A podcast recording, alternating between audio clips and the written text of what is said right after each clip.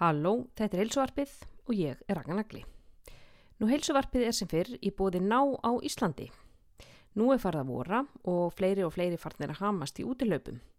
Nú eitt er það sem keirir upp úthaldið í mannslíkanum en það eru rauðrófur sem eru ríkar af andoksunefnum eins og C-vitamini og nítrötum en þau breytast í nítrið oxíð Rannsóknir sína að rauðirófur auka blóðflæðið, bæta virkni lungna og styrkja samdrátt vöðva með því að flytja súrefnismetta blóð til vöðva á æfingu.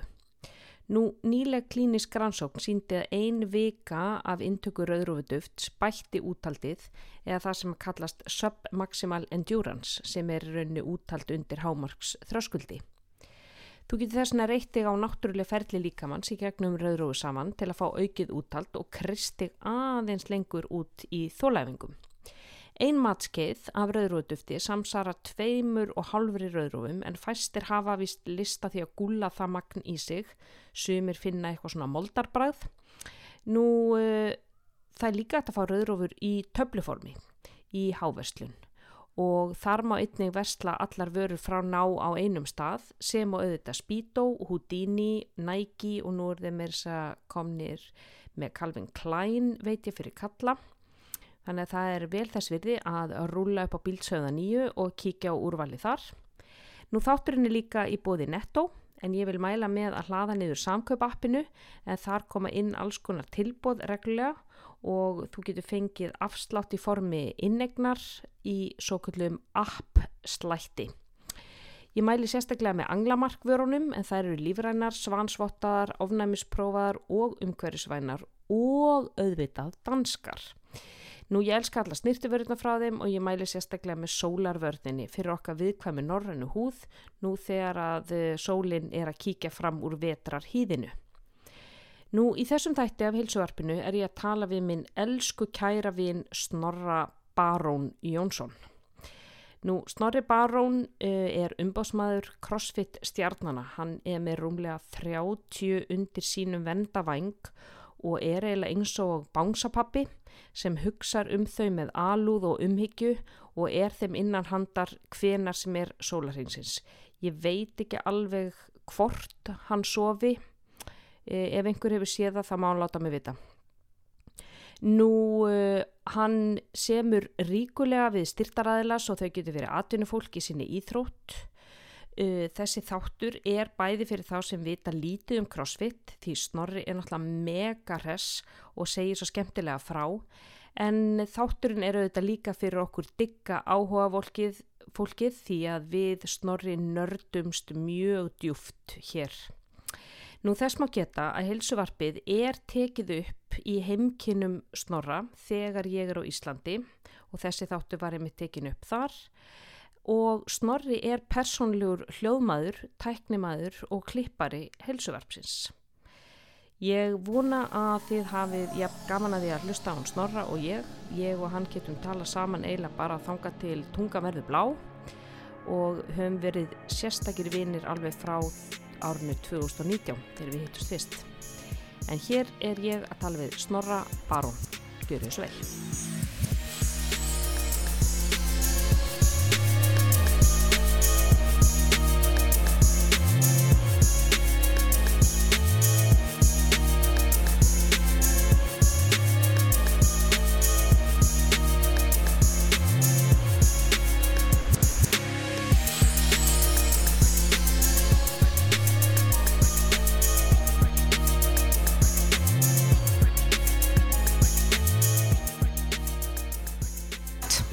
Halló og velkomin í helsuvarpið.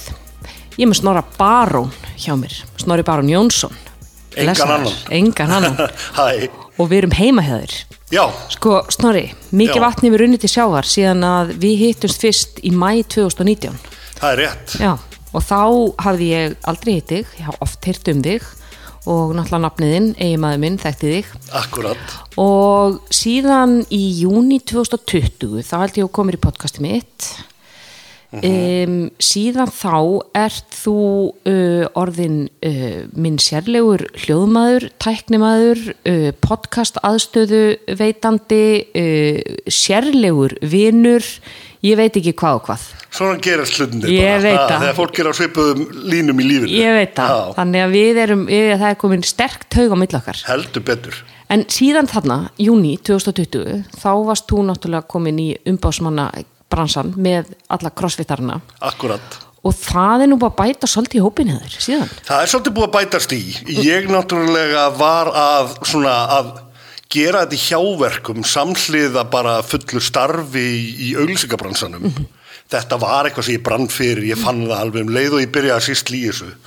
Það á svo vel við mig að vinna með fólki, vinna svolítið djúft með fólki og, og koma svona inn í það hlutverk að kannski fylla upp í þar sem að það vantar. Mhm. Og hjá íþróttafólki aldrei varði ég nú nú eitt sérstakur íþróttamaður sjálfur þó ég hafi reynt. Mm, Láttu ekki svona. Eða Ah. svona, það er hérna, ég, ég fann mér þarna einhver, einhver, einhverja hliðabúgrein þar sem að ég gætt orðið að mjög miklu gagni og verið inn í þessari íþróttar menningu allri án þess að vera að svitna á mikið sjálfur sko. Þannig að- Svona, þú, svitnar, þú svitnar by proxy.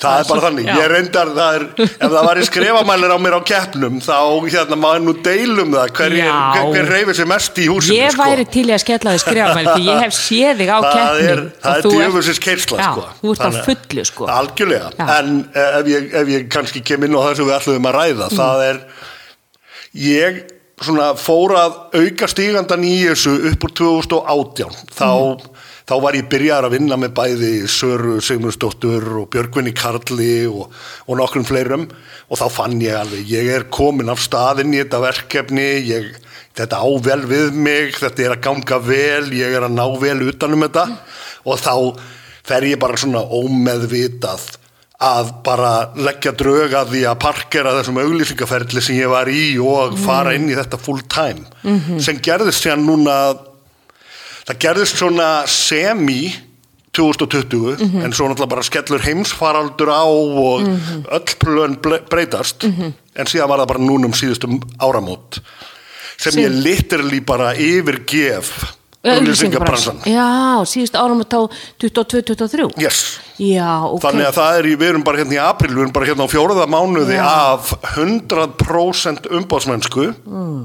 en ég var búin að leggja draugina þessu öllu áður. Ég var líka búin að bæta við með annari mannesku þannig að- að baklandstofan mín eða umbáskrifstofan mín telur núna tvo umbásmenn, Mm. ekki bara mig. Já, þú ert komið aðstofakonu Nei, Nei. hreint alls Þú ekki. ert komið samstarfskonu Ég kom með samstagskonu, Já, Mhm. hún hérna vissulega aðstofar mig en ég aðstofa hana líka og, en hún bara ber ábyrð á sínu íþróttafólki eins og ég ber ábyrð á mínu og við bara störfum saman Mhm. hún, er, hún er búsett í Abu Dhabi Vá. og ég hérna á höfuborgsvæðinu Já. og, og náttúrulega leikvöllurinn er alheimurinn við erum með íþróttafólki í fimm heimsálfum Já. Hvað eru þær margar? Já, eru þær þegar ekki, það er ekki stórt- marg marktækjar heimsálfur bara sex ég meina við erum bara, það vantar bara Afríku inn Já. af þessu því að pólarnir tveir það Það er er hérna nú li- það er fá- Ég fátt um væri- crossfitara væri þar. til í að vera með eitt kraftagjötun af Já. norðurpólnum það, er- ef, ef, ef það væri í bóði en hérna það, er- ef, ef, En ef einhver myndi þrýfast að geta búið þar þá er Þá það væri ég það- lítið líklega fólk með, með svona góðan búskap Já, Akkurat. Já. En við erum með 33 sem stendur Já. sem eru bara með, með samning við okkur sem og- eru íþró- íþróttamenn í crossfit Já, 29 af þeim eru crossfit og fjögur eru úr öðrum íþróttum þó tengdum íþróttum Já. liftingar, strongman Já, þú ert með og- Eithor og Melst, slíkt. eða það ekki Jú, rétt hjá mér? Já, ég er með hann, hann, er, mist- hann er strongman. er strongman Já. Ég er með Jasmine Sammet Stevens Já. sem er hérna bara frábær liftingakona Er hún í og- ólimpískum? Já Hún er og frá kæfti Mö- á olimpíuleikunum Möltu. og, Já, hún er Já. Mhm. frá Möltu Ég er með Hunter McIntyre sem er hérna kro- Ég er Írak? Hyrox Já, Hyrox-meistarin einmitt. Ertu með hann? Já, já, já, já Ég er með allt aðal fólkið Vá, ég með hann er famous famous. Já, já, hann er geggjaður sko Já. Og síðan er ég bara með tonn af crossfitturum Tonn af auðvitað cross- líka já. og, og blandan þar og þegar ég segi ég, það, þetta, ég er að tala fyrir okkur bæði Já. en, en hérna blandan okkar er allt frá mjög efnilegum táningum og upp í bara legends Mhm. Já, þú, þú, þú undir merkjum baklands. undir merkjum Bakland Já, þannig- sko, Bakland hljómar alveg sæmilega svona international Já. Mhm. þó þetta sé íslenskt orð en Bakland eru þetta bara stóðkerfið það er bara er support systemið þess vegna er þetta svo gott orð fyrir Geggjað orð. umbóðskrifstofu Já. og svona þegar maður, maður þegar, þegar ég er að lýsa þessu og útskýra þetta fyrir fólki þá svona ég fengi mjög góðar undirtektir Já, af því að sko það, það er auðvelt að segja þetta á einsku, Mhm. backland. nákvæmlega og þú veist Iceland, Backland þú veist, Mhm. það er svona land og svo líka bara þú veist, íslenska merkingin eiginlega svona yfirfærist líka svolítið þú getur alltaf útskýrta fyrir yeah, this is your backland this is your people, this is your Nákvæmlega. support system ah, yeah, I get it Nákvæmlega. Þú já, þetta Þú er veist óslega bara að lýsa fallegt. viðbrögðunum. já, það ekki já. þetta er svona, þetta er fallegt, þetta er óbúslega fallegt orð já, Já, það, það, þykir mér og mér fannst að setja einstaklega vel bara um leið og ég byrjaði að nota það og hef bara staðið vörðum það þetta er bara nafnið á stofunni, Mhm. bara mm -hmm. til ég drefst sko. Af hverju helduru að þú hafi stækkað svona rosalega hratt? Hvað er það við þig sem að dregu fólk að þér? það ver, verða náttúrulega aðrir að segja en, en bara result Já. á endanum þá er það það, er það eina sem fokking skiptir máli Og hvað er result sem Peningar. umbóðsmaður? Ah, það the er, money. Já, á, á endanum þá er þetta fólk sem er að treysta á það að það sé einhver þarna úti að berjast fyrir því að þau eigi í sig og á. Mhm. Allar íþróttir sem ég er að sýsla í eru einstaklings eða eru þannig meðaðar að þú ert ekki með samning við íþróttasambandið. Mhm. Þú ert ekki með samning við eitthvað lið.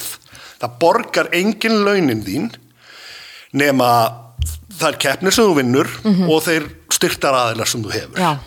Þannig að það þarf, þurfa flestir á einhverjum eins og mér að halda til þess að vera djöblast í því að finna einhverjar tekjur fyrir þau á meðan þau eru að æfa. Í hverju felst starf umbóðsmannsins?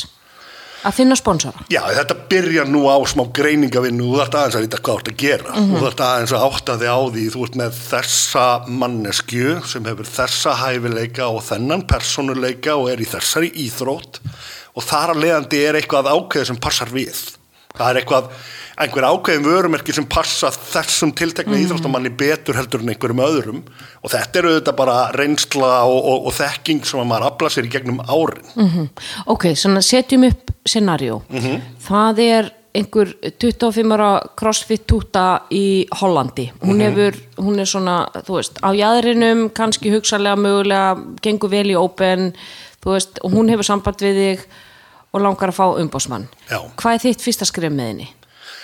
ég kikki á hver er þetta Mhm. -hmm. og hvaða upplýsingam get ég aflað mér um viðkomandi mannesku. Nú er ég komið það djúft inn í íþróttina að ef það er einhver sem er komin á þennan level þá veit ég vantarlega hver þetta er. Þá Mhm. er ég vantarlega búin að taka eftir henni áður, þá er ég búin að sjá hana á einhverjum keppnum þar sem ég mæti nú eiginlega á allar þessar Mhm. helvitiskeppnir Já, já. og hérna ég er, ég er mjög sennilega byrjaður að followa viðkomandi íþróttamann og er, er búin að fá upplýsingarnar í gegnum það svo náttúrulega bara tek ég ákvörnum hef ég áhuga eða ekki Mhm. hef ég tíma, hef ég áhuga er þetta eitthvað sem er þess virði fyrir mig að leggja vinnu í Mhm. út af því öll svona samstörf eru framþung mm -hmm. Hvað með framþung? mikil vinna hjá mér til að byrja með Já, já, já, já, já, já. upplýsingaöflunin að láta markaðin vita ég er að representa þessa íþróttakonu hérna núna og allt eftir því og það er ekkert sem garanterar árangur ef það kemur einhver fullskapaður íþróttamaður sem er komið með hellinga followerum, búin að vinna fullt af mótum og svoleiðis þá er vinna mínu auðvitað miklu auðvildari Já, þannig að það er erfiðari vinna að fá óþekktan íþróttamann. já, já, það er bara Er það vegna þess að þú þarft að láta, hana- þú veist, hún þarf að öðla staðins meiri fræð til Já. þess að einhverju sponsorar og markaðurinn á- þarf að kveikja á perunni og Já. sko, markaðurinn er ekkert í því að láta íþróttafólk óþekkt íþróttafólk fá pening Nei, Þau eru- að gefa þér þau- engin peningi í þessum um heimi. nei, þau vilja fá eitthvað í staðin Já, en Og- sko, en, já. en það, þannig að sko, ok, segjum að þessi hollenska að hún er með svona, ég með kannski tíust í followers á, á Insta, Mhm. mm -hmm. reyna að láta hana, þú veist, vera með meiri samfélagsmiðla presence, Já, þú veist, já. og láta hana eh, svona kannski fá meira followers, þú veist, hv- hvað væri þá þitt fyrsta skref þarna? Ah, Þarna þarf ég að sjá er þetta introvert eða extrovert mm, er þetta manneski sem er yfir höfuð færum það að Mm. vaksa mikið á samfélagsmiðlum með því að nota eitthvað af þessum hefbundu tryggsum eins og bara vera með aðeins flottara content, posta aðeins oftar, vera byggja þetta svolítið meðvitað upp ef þetta er manneski sem hefur það í sér þá reyni ég auðvitað að mótivera það og þá reyni ég að para kannski einhver, eitthvað content fólk ég get kannski fundið einhvern videografir eða, eða ljósmyndara eða eitthvað svoleiðis sem er á svipuðum slóðum sem að mætir tvisvar í mánuði og, og, og gerir eitthvað content með þeim og svoleiðis en það byggist á því hvernig er þessi manneskja já. það er já. til fólk sem að vill ekkert af þessu en vinnur allar keppnir Mhm. Já. og þá er maður ekkert að reyna að íþingja þeim með því að vera eitthvað að setja einhverja pressu á content Mhm. þá er bara contentið sem er á samfélagsmiðlum þeirra content, ég er að nota enn stóra þetta Mhm. fyrir Já. okkur í töðan hvað á ég að nota efni, efni nei, ég nota Já. bara content, þið Já. verðið bara skjóti mig þetta Já, fyrir töðan já, já, já. en hérna, þá, þetta þá, er, eru- þá er contentið bara hvaða, hvaða efni er fangað í keppnum og Mm. myndir og vídeo úr keppnum af æfingum og svona og þá Mm. er viðkomandi ekkert að gefa neitt mikla hlutdeild í persónuleikanum sín Nei.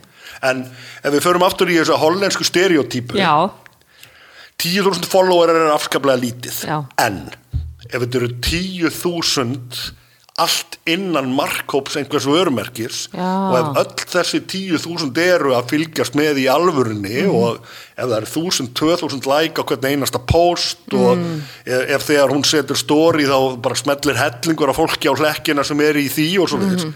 þá er það bara hellingsvaljum Já, sko. já. þannig að fjöldi fylgjanda er ekki það sama og og, og, og, Og bara, svona, og gæði, þetta nei. er miklu frekar gæði þeirra fylgjanda sem eru þarna Já. fyrir vörumerkið algjörlega og það er svona þetta vantar svona íslenskt orðið þetta er mynd, við vorum að tala um content, ég veit ekki hvað það væri efni við innihald eða ég veit ekki, það er ekki til neitt gott Nei, orðið nei, yfir notum þetta en, bara content. en það er líka með sko svona engagement Já. þú veist, þú getur verið með 10.000 followers og það er bara ekkert að frétta hjá þér og þú Mhm. veist, engin lækar og, og þú veist, það eru þrjú læka post og eitthvað, en þú getur líka verið með 10.000 followers og það er einmitt, 1000 og það likes er rosa þáttaka Já, einmitt, já. Og, og það er auðvitað það sem er verið að horfa það er eftir svona virknin inn á, inn á mið, miðlinniðinu og vörumerkin sem að eru að styrkja íþróttafólk er orðin, orðin miklu meðvitaður um þetta það er miklu meiri vísindi núna heldur en voru fyrir fimm árum síðan um þetta og kröfunar eru aðeins öðruvísi fyrir vikið auðvitað,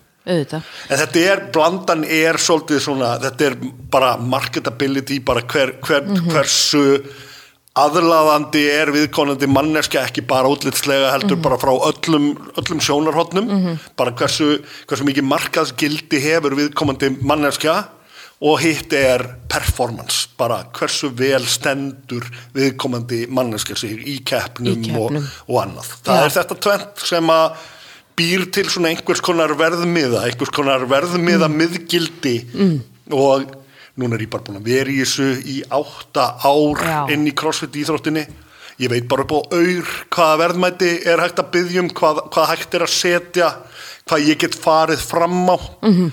og svo eru þetta hitt, ég er bara búin að kynnast öllum ég, Já, ég þú þekkir þekki alla. bara alla í, í, hjá öllum vörumerkjónum og, og svo er þetta það lítill heimur að ef einhver hættir hjá Nike þá byrjar viðkomandi hjá Adidas daginn eftir Já, eða, eða svona, já. þannig að maður er að díla svo oft við sama fólkið Já, og þetta og er þetta er stór hluta mínu starfi að bara byggja gott samband við þetta fólk auðvitað, og þetta er náttúrulega lítið þetta er svona jaðarsport og þetta er svona ákveðin subkultúr Mhm. þú veist, og það eru bara þú veist, ákveði mörg vörumerki sem tengjast crossfit ítrótinni Já. sem að þú veist, þú, þú getur haft sambandi og þú náttúrulega væntalega þekkir þau öll og þekkir fólk innan ég hvers og er eins búin og, að gera marga samlinga við hvert einasta Já. sko. þannig að það er þannig að þú svona veist hvernig það þú er ætlar kannski þetta. verðmætin sem ég hef núna ég er náttúrulega þetta tengslanett, þessi trúverðuleiki og það, og, og svona, það svaraði af hverju ég er búin að stækka líka því að ég er ekki lengur að sanna sjálfa mig sko, Nei. og það er alveg, ég finn það alveg þegar ég segi, heyrðu, ég var að bæta þessum íþróttamanni hérna á lista minn og þá er bara svona eins og það léttir öllum út af því að þau vita að það er hægt að tala við mig já, já, já, já, þú ert náttúrulega mjög svona approachable og það er líka það, það vita allir hverju þú ert og þú veist að það er í, allir í crossfit íþróttinni og þú veist að það er talað um þig í podcastum og þú veist að það vita já, býtu, já, umbásmaður hann, já, that's a Snorri Baron já, þú veist, þannig að- og það er líka einmitt þetta, þú veist, þetta nafn og, og þú veist, barónin og, og þú veist, þannig að þú er búin að skapa þér rosa stóra stöðu þannig að finnur fyrir því núna að, þú veist það eru fleiri sem leita til þín, það er að vísa frá, já, já, já. Þa, það er staðan sem ég er í raunverulega það er svoleiðis Þú ert bara- ég er með nokkurn veginn alla sem ég langar að vera með Já. Það er bara ef ég, ef ég horfi yfir, yfir hafið bara, Já. og, og sé hvaða íþróttafólk myndi mér langa til að vinna með ég er bara með þau öll Þú ert með öll. Já. Þannig að Íslendingar sem þú ert með, þú ert með Björgvin, þú ert með Söru, Já. þú ert með Solveigu. ég er með þau og, og hann Guðbjörgu sem er, er, að, er að koma Gu- svolítið sterk, Gucci. já, sem Já. er svolítið sterk inn núna Hún er geggjuð. og svo er hún Lucille kollegi minn, hún er með þöriði Hún er með Þurriði, Já. já, einmitt. þannig að þetta eru fimm Íslendingar Fimm Íslendingar sem þú ert með, já. Mhm. Og útlendingarnir sem þú ert með, við byrjum bara á Ameríku. Í Ameríku er ég svo sem ekki með ert með Emma stóru Lawson. stjórnunar. Já, hún er í, Í Kanada, Kanada, já, og hún já. er auðvitað, hún er náttúrulega mjög einstök og bara, ég er búin að vinna með henni Stórkostleg. síðan hún var 14 ára. Já. Þannig að ég kem inn, pappi hennar hafði samband við mig, hafði heyrt bara vel af mér látið, Mhm. hann hafði samband við mig eftir að hún kefti í 14-15 ára flokknum, Mm. þar sem hún lendi í þriðja sæti á Mhm. 14. ári sko. Já. Það voru Mal O'Brien og, og, og þær, en þær eru ári eldri heldur en hún. Mal O'Brien er tveimur árum eldri heldur en Emma Lawson. Ef við bara setjum smá samhengi á hversu ung hún er. Hún er bara nýjórðin átján ára núna, sko. Einmitt. Hún er svo rosalega ung. Man finnst þú værið svo lengi í senunni, sko. Nei, ég meina, hún vann bara fittest teen on earth Já. þegar hún var 16 ára. Það var í 16-17 ára flokknum og á móti, þa- þar allar hinnar voru 17 ára sem hún var að keppa á móti, þannig að hún var ári yngri heldur en þar sem hún vann þar Mhm. og þetta er engin smá munur eitt ár á þessum, á þessum aldri Heldur betur. í þ- bara líkamlegum þroska og öðru Já, já. svo fer hún á sína fyrstu heimsleika og hún endaði fyrsta daginn í efsta sæti Já, hún var í- á heimsleikunum, hún var hún, var í í, rauðu hvíta, treyju- já, í já, hvítabólnum hvítabólnum, já. hún var í hvítabólnum eftir fyrsta dag Já, það var núna síðast ekki. það var bara núna Já, senast, það var já, bara já, fyrstu já. heimsleikarnir Já. hennar hún endar síðan í sjötta sæti þar Það er ótrúlega. það er algjörlega galið Það er galið. en hún er líka bara, hún er algjörlega Já, einstök en- og, og svo margt við hana sem er einstök Já, hún er líka svona róleg, hún er svona Já. ró, rólegt, svona fas og svo á hún kærast, er hann hjá þig líka? Nei, Nei. Mm. Hann, er, hann er hjá, hjá annar umbóðskrifstofu og, hérna, og það er bara gott mál. Það er, það, þessar flækur geta orðið, þ- þetta getur orðið mjög flókið Já. þegar maður er með all, alla allstað. Já. það er bara þannig. En svo ertu með Kelsey Kiel, Já, ég er með Kelsey Kiel. hún er að keppi liði, Já, en hún er náttúrulega orðin hálfgjart legend í, í þróttinu. Hún er Hún er rosa. Mm. mjög, hún er mjög þekkt og, og vinsæl, sko.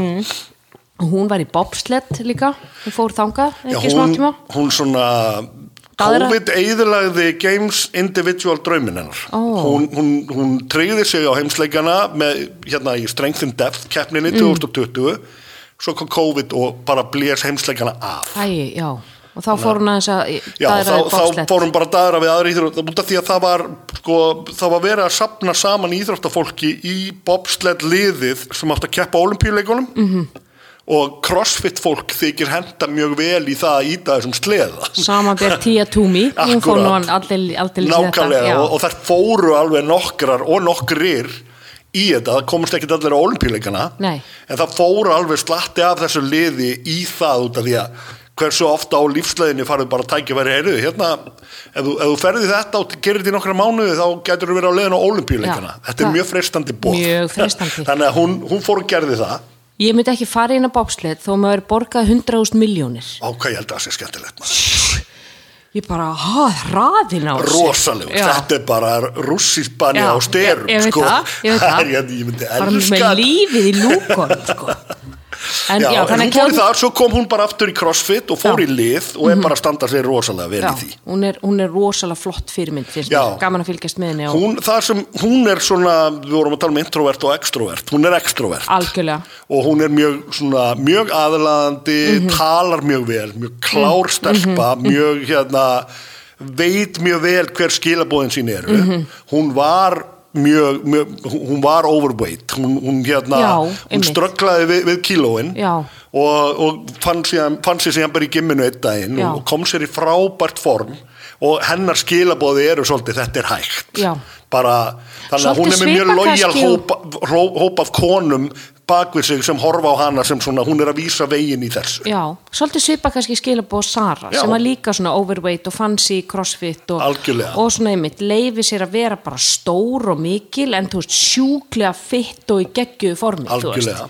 er bara, ég- hérna er ég og ég er, þú veist, ég verð aldrei petit en anskotin ég skal vera mössuð og Mhm. í geggjuðu formi og sín ykkur að það er fallegt og það Akkúrat. er, þú veist, fyrir konur já, mér finnst hún Já, æðist það er að riðja brautina í þessu heldur betur Já. þannig að, og svo ertu með Svo fleiri er ég með í, þrjár svona minnaþektar, Kelly Baker er hérna, hún, hún er búin að koma úr liðabransanum, Já. búin að vera, hún er búin að fara þrísvara heimsleikana með liði. hún er besta vinkona Kelsey Jú, Kili ekki Já. og hún er, hún er núna á sínu fyrsta tímabili sem einstaklingur Ah. og er bara búin að vera tearing it up sko. Ok. þannig að ég hlakka til að sjá ég, ég er bara tilbúin að veðja svolítið stórum sæðlum á og hún fari, fari allalega heimsleikana í ár sko. Vá, geggjað. hún er hérna bara flott típa líka og, og bara frábært að vinna með henni Mhm. uh, svo er ég með eina eða tvær yngri, annars Já. er Chloe Wilson já, einmitt, Chloe er þrisvar sinnum næstuði búin að komast á heimsleikana það er svo leiðis hún er þrisvar sinnum búin að hafna í sjötta sæti Það- á, á, af þessum fimm sem Ó. tryggja miða hún er búin að vera í sjötta sæti alveg þrisvar bara sinnum. þarna bankand á hurðina Já, sko. en hún er, hún er svakalegt talent, hún er ennþá ung, hún er, hún er sko full-time slökkuliskona líka, samsliða, Já. þannig að hún er algjörn nagli, sko, Það er nú bara rosalegu eins og nagli, eins Sam- og Sam sambriks, Briggs, já. og ég hef rosa trú á henni, hún er líka bara fyndin og skemmtileg og, Já. og svona, hún, hún alltaf vinnur á vinnustaf með eintómum durgum, sko, Já. þannig að það er svolítið svona durgur, Durgur í henni, já. og, og hún er bara mjög skemmtileg og fyndin og, ég, og, og svo er hún bara frábær í Íþróttakona. en hvað hva, hva, æfir hún, eða þú veist, undir hvað hva, Herðu, hún er hjá svona frekar litlu treiningapparati sem heitir Jump Ship Training. já, Jensip, hann var með, Hann var með Misfits áður, Misfits og já. fór síðan yfir, er það Adam eða Seth. Seth, Já, Seth hann er Jensip, já. Mhm. flottu gæi, hann, hann einbyttir sér mjög vel að henni, hann, hann þjálfar hana a- af svona mikilli natni og, Mhm.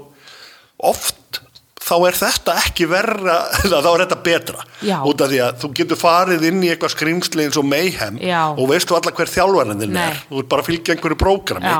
á meðan þarna er hún bara með beina línu í þjálfaransinn sem fylgist bara með öllu og er bara í daglegur sambandi Já, sko. svona. það er alveg, það, það, himinn og það haf. er gott fyrir hana sko. já, já, já, já, einmitt, ef þú ert í litlu apparati þar sem að sko þjálfarin er svona natin við þig og þekkir þig og hvað þú þart og frekar eldur einmitt að fara inn í sko risa, risa dæmi eins Mhm. og mayhem eða, þú veist, komptrein eða eitthvað þar sem að þú bara einhvern veginn hverfur inn í fjöldan og bara hérna gjör svo vel inn í prógramið þitt og fara svo bara út í hotna á soltbækið og tala svo við þig bara eftir, þú veist var þetta ekki bara, Mhm. Nákvæmlega. var þetta ekki bara fínt, þetta ekki bara góður þú veist, já, ég meina það, típunar sem Sumir- sumir að þrýfast geta í það, svona já.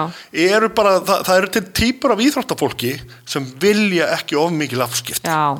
sem að bara vilja fá svolítið að fylgja bara sínum eigin rithma Mhm. og vilja bara fyrir aðstöðunni til -hmm. þannig að það er, þetta er bara mismunandi eftir já, fólki sko. já. en hver er hinn sem út með í Herðu, Ameríku? það er Ashley Vosni Ó. sem að hérna, hún er hjá Training Think Tank Já. og hún er ung, hún, hún lendi í þriðjarsæti nú mann ég ekki ártalið fyrir Mm. nokkrum árum síðan sem, sem táningur lendi hún í þriðjarsæti Mhm. og, og er núna bara að hefja sína göngu sem einstaklingur, hún fór á heimsleikana í fyrra sem í- á tím, hún var í liðinu með Kelsey Mm. já, þá já, En svona, það voru eiginlega allir búin að segja við hann, heyrðu, þú ert of góð til að vera í liði, þú verður að fara yfir í einstaklingin, ok en hún er hjá hún er hjá honum í sko. Jánum trein- Max í training Max í- Maxi, já, já. Sko, Max El Haas, hann er, hann er líka með Söru eða ekki ekki lengur. Ekki lengur. Nei.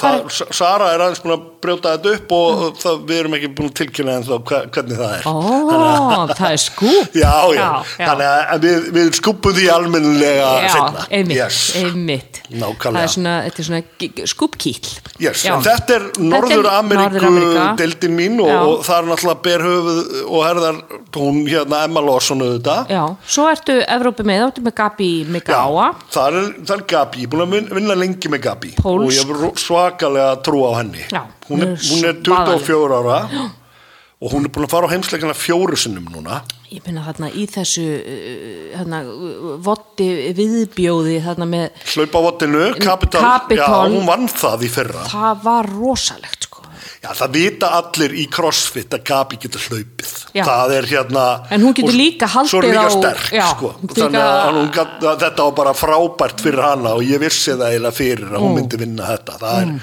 það þyrfti einhver að, að gera eitthvað. Það- Það var óumflýjanlegt að hún myndi vinna þetta. Þetta var Já. bara klæðskelsniði fyrir hana. Já, já, já. Hún var samt mjög ósátt með sína framistöður svona heilt yfir á heimsleikunum. Eða það, já. Svona, hún, hún er auðvitað bara komin á þann stað að hún gerir ráð fyrir því Já. að komast á pall Já. í þeim keppnum sem hún keppir í Já, já, hún er með gríðarlega metnað, hún er náttúrulega líka með mákonu sína þarna, Mm. Já, sýstu og það er æfa núna saman Lóra öllum stundum. Horvat, já. sko, Lóra er einhver sem ég myndi nú ég myndi nú veðja á að hún vinni þetta í ár er það ekki? já, Fyrsta tíja er nú hérna, ekki Þú veist, kona ég er eins um- upptekið við Já, batnefnir, þá held ég, sko, Lóra er bara mjög sennileg til að vinna þetta. já, já. Það er, það, og það þykir Gabi mér. þá kannski öðru Já, öðru já, þriðja. já, þetta Það verður kemur mér ekki á óvart sko, en það Gabi- eru þetta svona 7-8 stelpur sem að eiga raunhafa möguleika á þessu. já, sem eiga hann á raunhafa möguleika á pallið, þetta verður náttúrulega þetta er svona, þú veist, núna er þetta gríðarlega spennandi Mhm. að því að sko, þetta er svipað þegar Matt Freyser hætti að Nákvæmlega. þú veist, að þá myndaðist þarna bara pláss, bara hver er að fara að vinna þetta En nú er náttúrulega með Deirós bara búin að taka það. Nú já, er nú hann the er one hann to búinn að beat ta- sko. já, já, já, nema náttúrulega uh, rúsneski björnin og Já, já. við mistum náttúrulega okkar besta Rikki Garard hann, Því miður, hann er, hann er út, en Hann- við en- eigum eitt stykki Björgvin Karls. við eigum nefnilega alltaf Björgun Garard Og ég- hann ég- skal aldrei vannmeta krakka mínir, hann er hann Sko, Bjöggi er ekkit mikið í því að stela fyrirsögnunum Nei. og hann er ekkit mikið í því að, að, að, að láta fyrir sér finna. hann er ekki ekstrovertin Nei, en hann lítur alveg ríkalega vel út núna Já, og, hann ég- er, og hann er alltaf að verða betri sko. það er hérna bara staðan hann Já. Mm. er alltaf að verða sterkari og betri að öllu leiti þannig að, hann Ég er veit að ótrú, smellur saman. ótrúlega sko. hann er svo góður ostur sko. ég, já, já, hann og verður ég, bara- ég hef, ég hef endalösa trú á honum já, já, þannig að við, já, við, við vonum það að loksins fáum við hann í fyrsta sætið því að einmitt, hann svona maður gle- að því hann gleymist sko að því að hann er ekkit að láta á sig bera sko en hann er þarna bara svona þögull þarna og er alltaf einhver staðar í topp 5-6 sko, þú veist Já, ég meina að þetta var lélegast að finni síðan síðan 2014 já, var núna á senasta ára og það var nýjöndasæti já, það, var, já, einmitt, það er hann er lélega tvisar búin að enda á palli síðan þá sko. alltaf innan 10 sko já, já, ég bara hann er algjörlega ótrúlegur íþróttamæður hver eru fleiri í Evrópu? Það, það er Gabi, Herðu, það, það er Henrik Hapalainen, finski, Já. það er Enrico Senoni, hann er ítalski. ítalski hann er um svo frekar nýr á, á Já, hann bara kom inn í fyrra, Já. en er frábær gæði. sko. rosa flottur, Og- fallegu fyrir Já, augað gríðarlega fallegu drengur. það, hann, það, það vinnur ekki á mótunum. Mhm. Nei, get ég nei, nei, sagt nei, þér. við vitum það Hann Hjálpar Og, alltaf og hann, hann alltaf fór á heimsleikana ekki almennilega vitandi hvað hann var að fara út í Mhm. því að hann er með svolítið öðruvísi fereldur en þau flest, hann er, hann er afreksmaður í júdó og hérna Já. bara frá því hann var 7-8 ára gamall var hann, var hann að æfa það og kefti í landsluðum í Ítalíu upp alla Mhm. unglingaflokkana -hmm. byrjaði að æfa crossfit bara til þess að svona stay fit það var bara svona fitness þjálfunin hans Ókei. samhliða júdóinu Já, og svo svo bara- var hann bara óður í þetta Já. og hann hætti bara Í júdó. Ítal- Ítölum til mikillar mæðu þá hætti hann bara í júdónu Já. og fór bara yfir í crossfit það var 2020 Það er ekki- 2022 var hann komin á heimsleikana Það er ekki lengra síðan Nei, Vá. þannig að sko En hann þá með rosalegan grunn hann sem er svakalur íþróttamaður. íþróttamæður og Já, já. bara ef þú þér leiðist nú örglega ekki að horfa á myndir á honum berum á á hann, Nei, en ef nei. þú svona horfir bara aðeins á það þetta er bara, þetta er alveg svakalegt spesimen, Já. þessi strákur sko. Já, já, já, já En- svakalegur skrokkur sko. En sko Ítalía er líka að koma rosa sterkinn með mikið af íþróttafólki Já. Hún var hérna, þessi hérna stelpa með giktina Elisa Fuliano Fuliano, já, er hún með einhverja gikt? Já, hún er með gikt nefnilega, það er magna sko og það er svona, crossfit er að færast mikið í aukana í, Sko- á Ítalíu.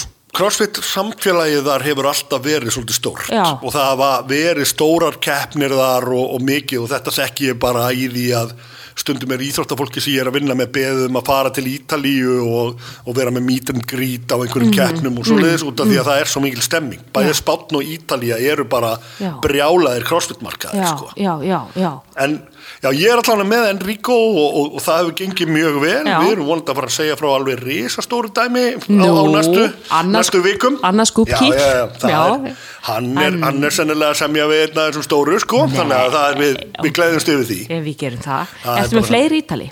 ekki fleiri ítali, Nei, nei. síðan hún Lucille uh, kollegi minn Já, Abu Dhabi Já, Já. hún er frakki, sko. Hún er frakki. Mm. býr í, hún býr í Abu Dhabi og búin að búa þar lengi, við kynnumst í gegnum, hún, hún er búin að vera að vinna í þessum keppnum þarna Mm. í Arabaheiminum, Mhm. Dubai CrossFit Championship, Mm. Elfit og svona, hún er búin að vera að vinna í markasmálunum þar, sjá um broadcastið og, og svoleiðis, Þetta er bara hörku mikið í hana spunnið Mhm. og, og vel komin inn í, inn í CrossFit senna nú þegar Mhm.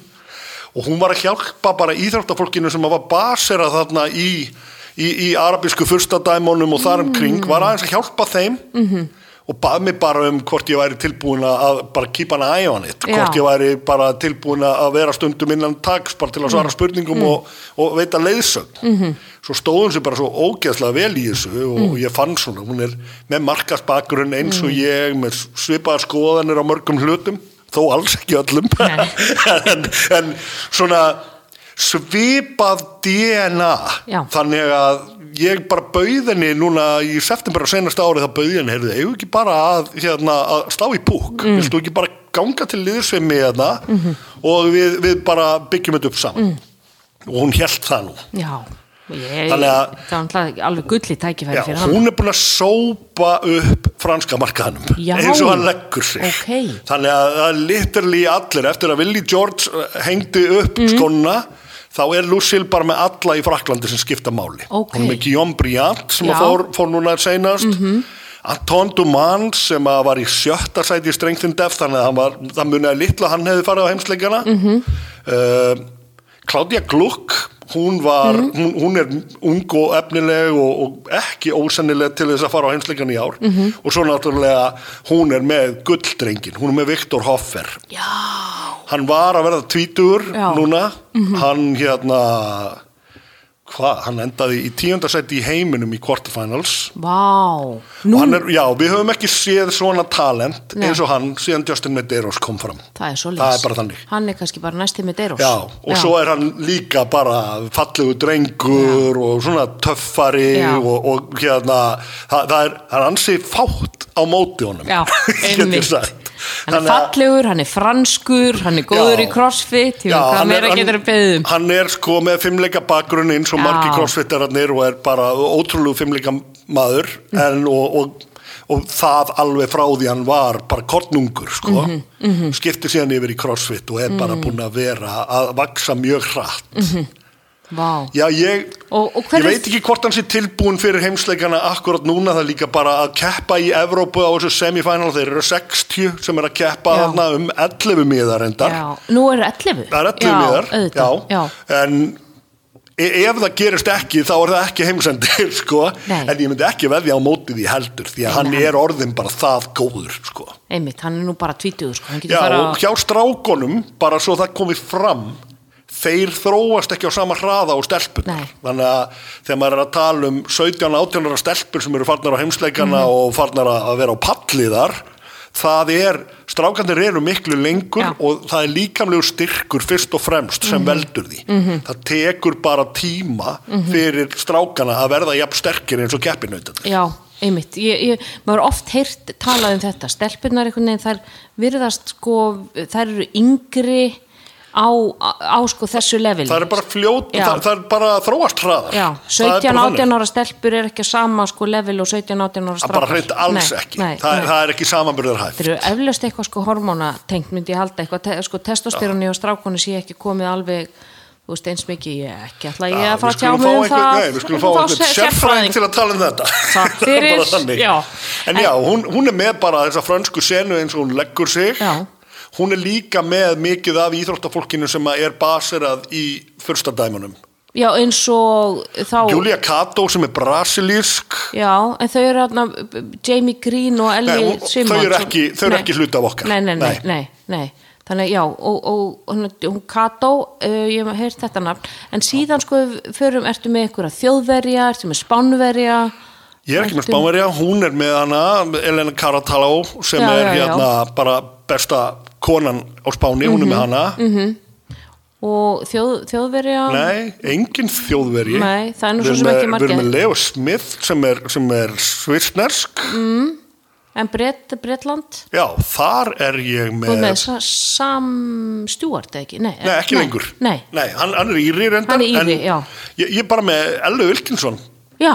Hún er í fríi Ella. núna. Já, hún er æðisleg. Hún er, hún er náttúrulega off-season. Hún er Já, bara, hún er bygg- bara, bygg- tók sér frí þetta tímabil bara til að klára skólan Já, og svoleiðis. og En byggja sér aðeins she'll upp be og svona. back. Ó, já. Já. Við skulum ekki, ekki vannmeta það. Já, þannig að þú, sko, Svo er náttúrulega bara Ricky Garrard. sem er í Ástralíu. Já, og, ég er að gleyma einhverjum, ég er að gleyma einhverjum hellingi, þannig að það er Rikki bara Garard hannig. greið, hann er náttúrulega bara í, í fatla og gifsi. Já, það er náttúrulega, Svona hefur maður frútt að hjóla.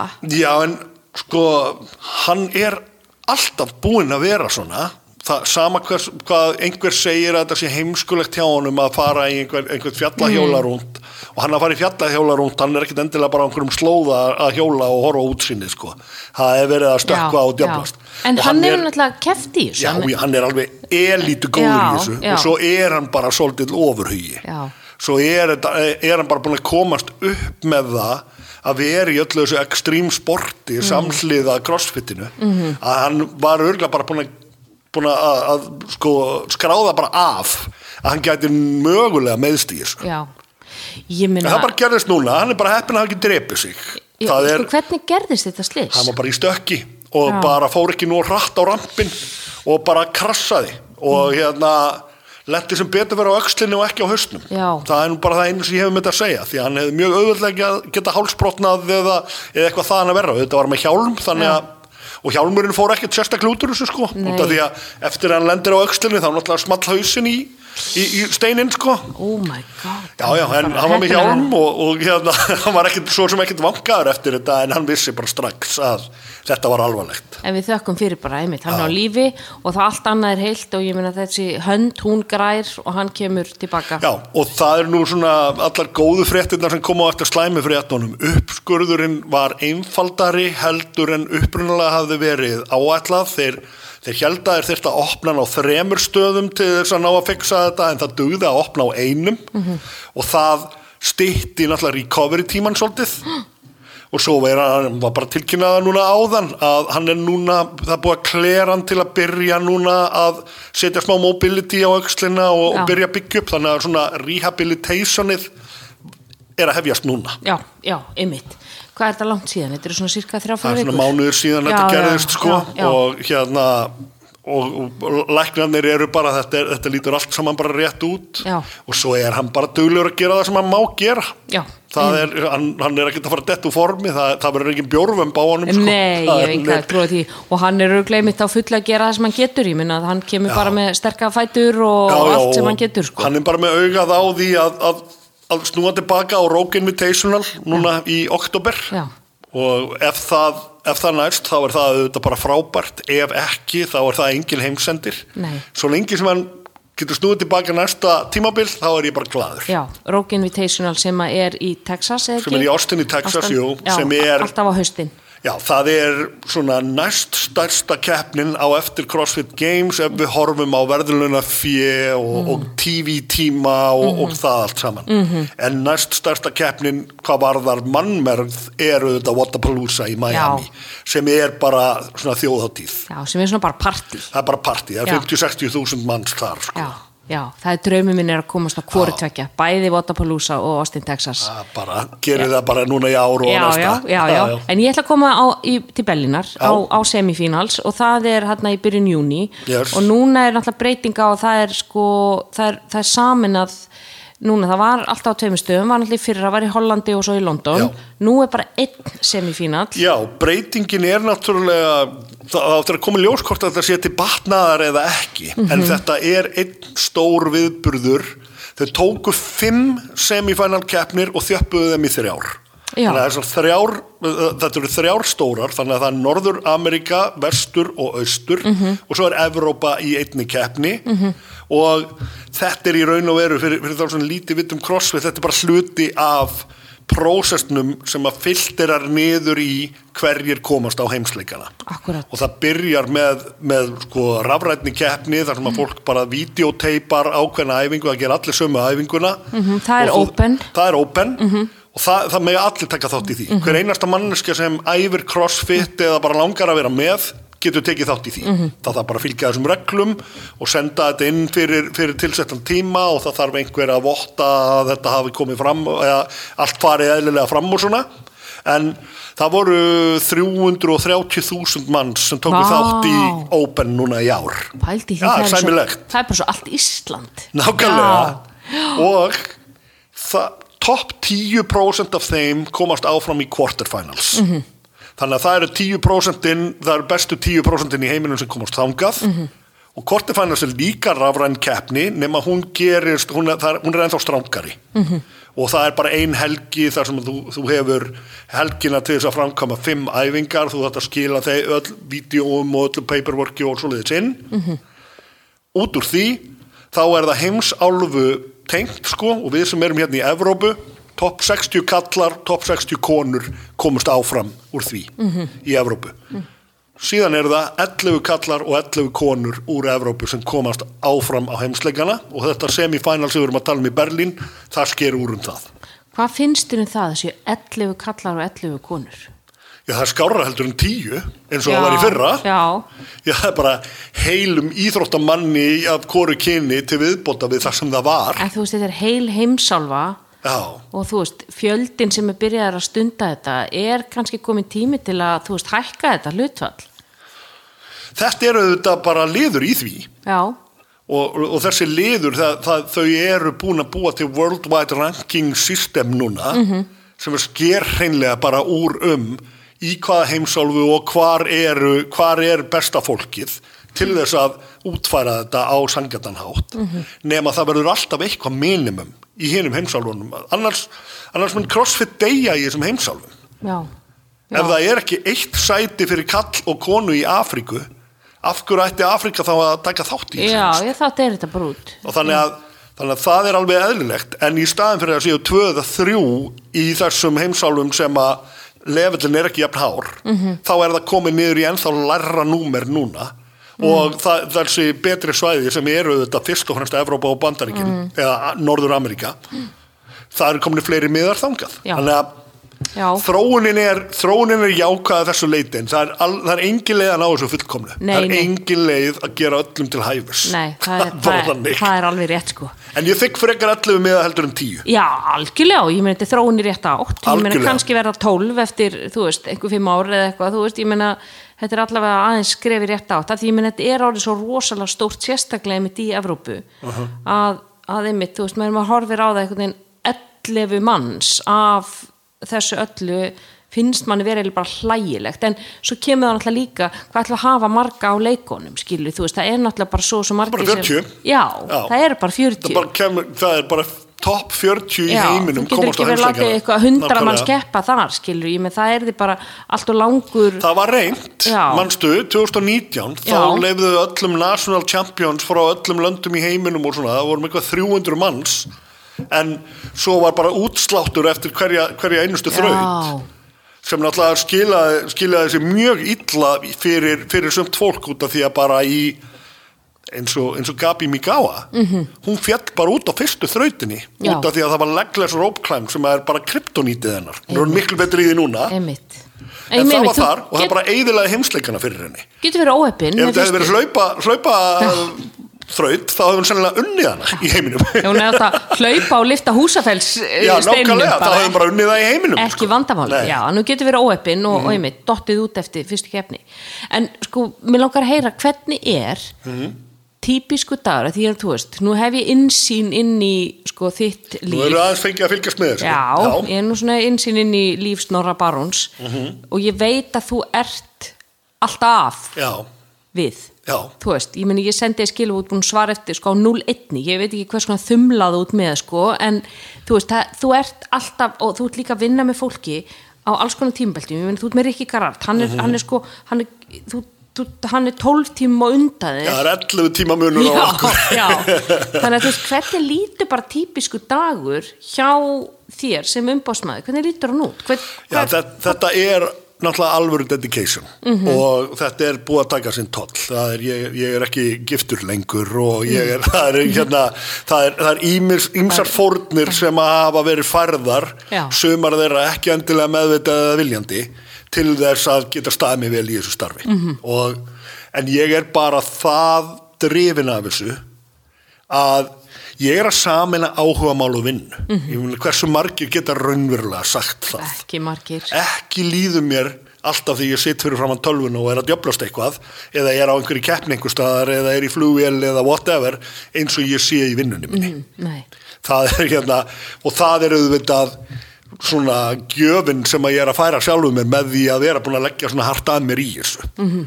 en venjulur dagur hjá mér er auðvitað ekki venjulur og Nei. engir tveir dagar eru eins því að það kemur alltaf eitthvað upp já, það er alltaf eitthvað SOS sem að er, er sem, sem berst mér sem ég gæti ekki planað fyrir Hva, hva, þú veist, hva, hvað er til dæmis dæmi um SOS?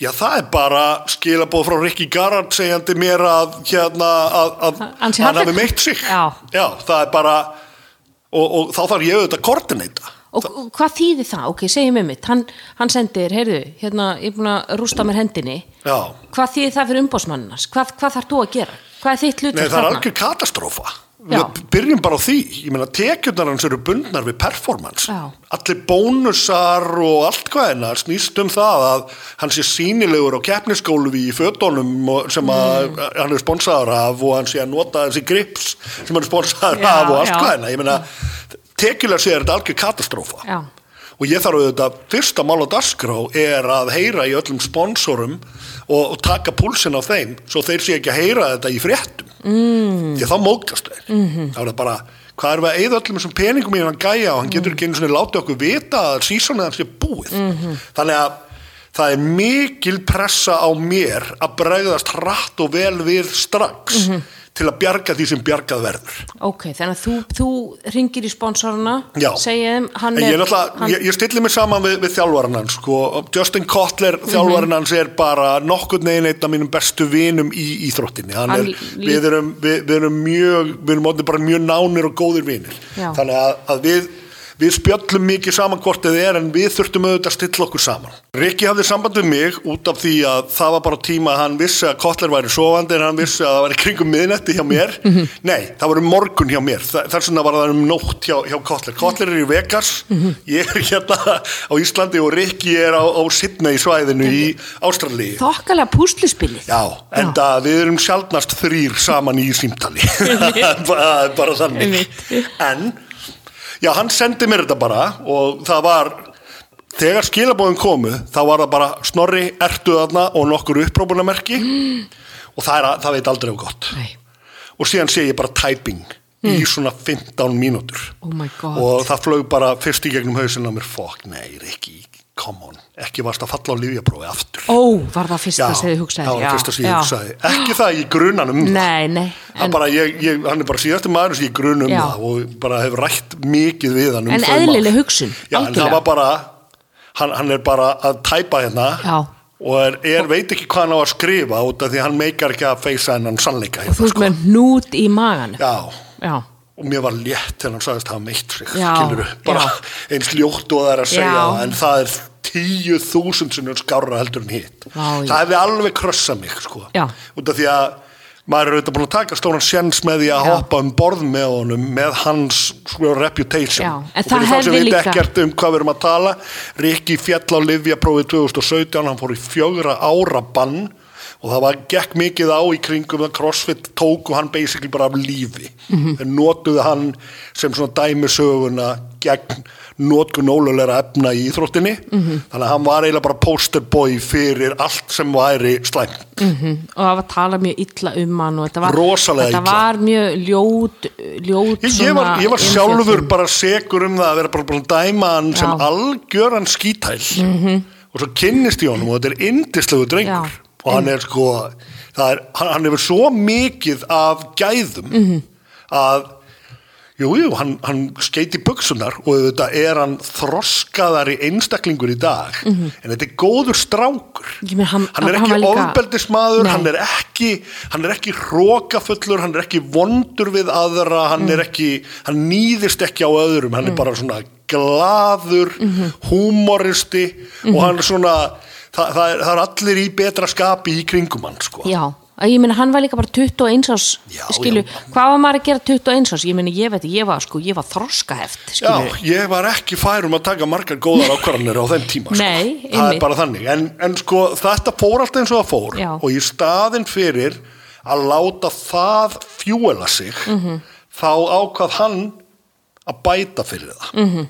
og hann hefur, hann hefur ekki reynt að beigja frá þessu umræðefni eða að klína sökinu einhvern annan, hann gerði það í fyrstu þegar Mhm. hann var 21 árs, þá neytaði hann öllu og fannst allt verið öðrum að kenna svo klest hann bara á veggin, en í dag er þetta bara gæði sem að tekur fulla ábyrða á Mhm. þessu en ég meina það að hann hefði fallið á lífjabróð eins og því, þú veist, fyrsta sem hugsun sig, það hefði eiginlega þýtt endalökina því fólk er búið að gefa hann manna séns það hefði verið, það hefði sennilega verið endalóki mín líka.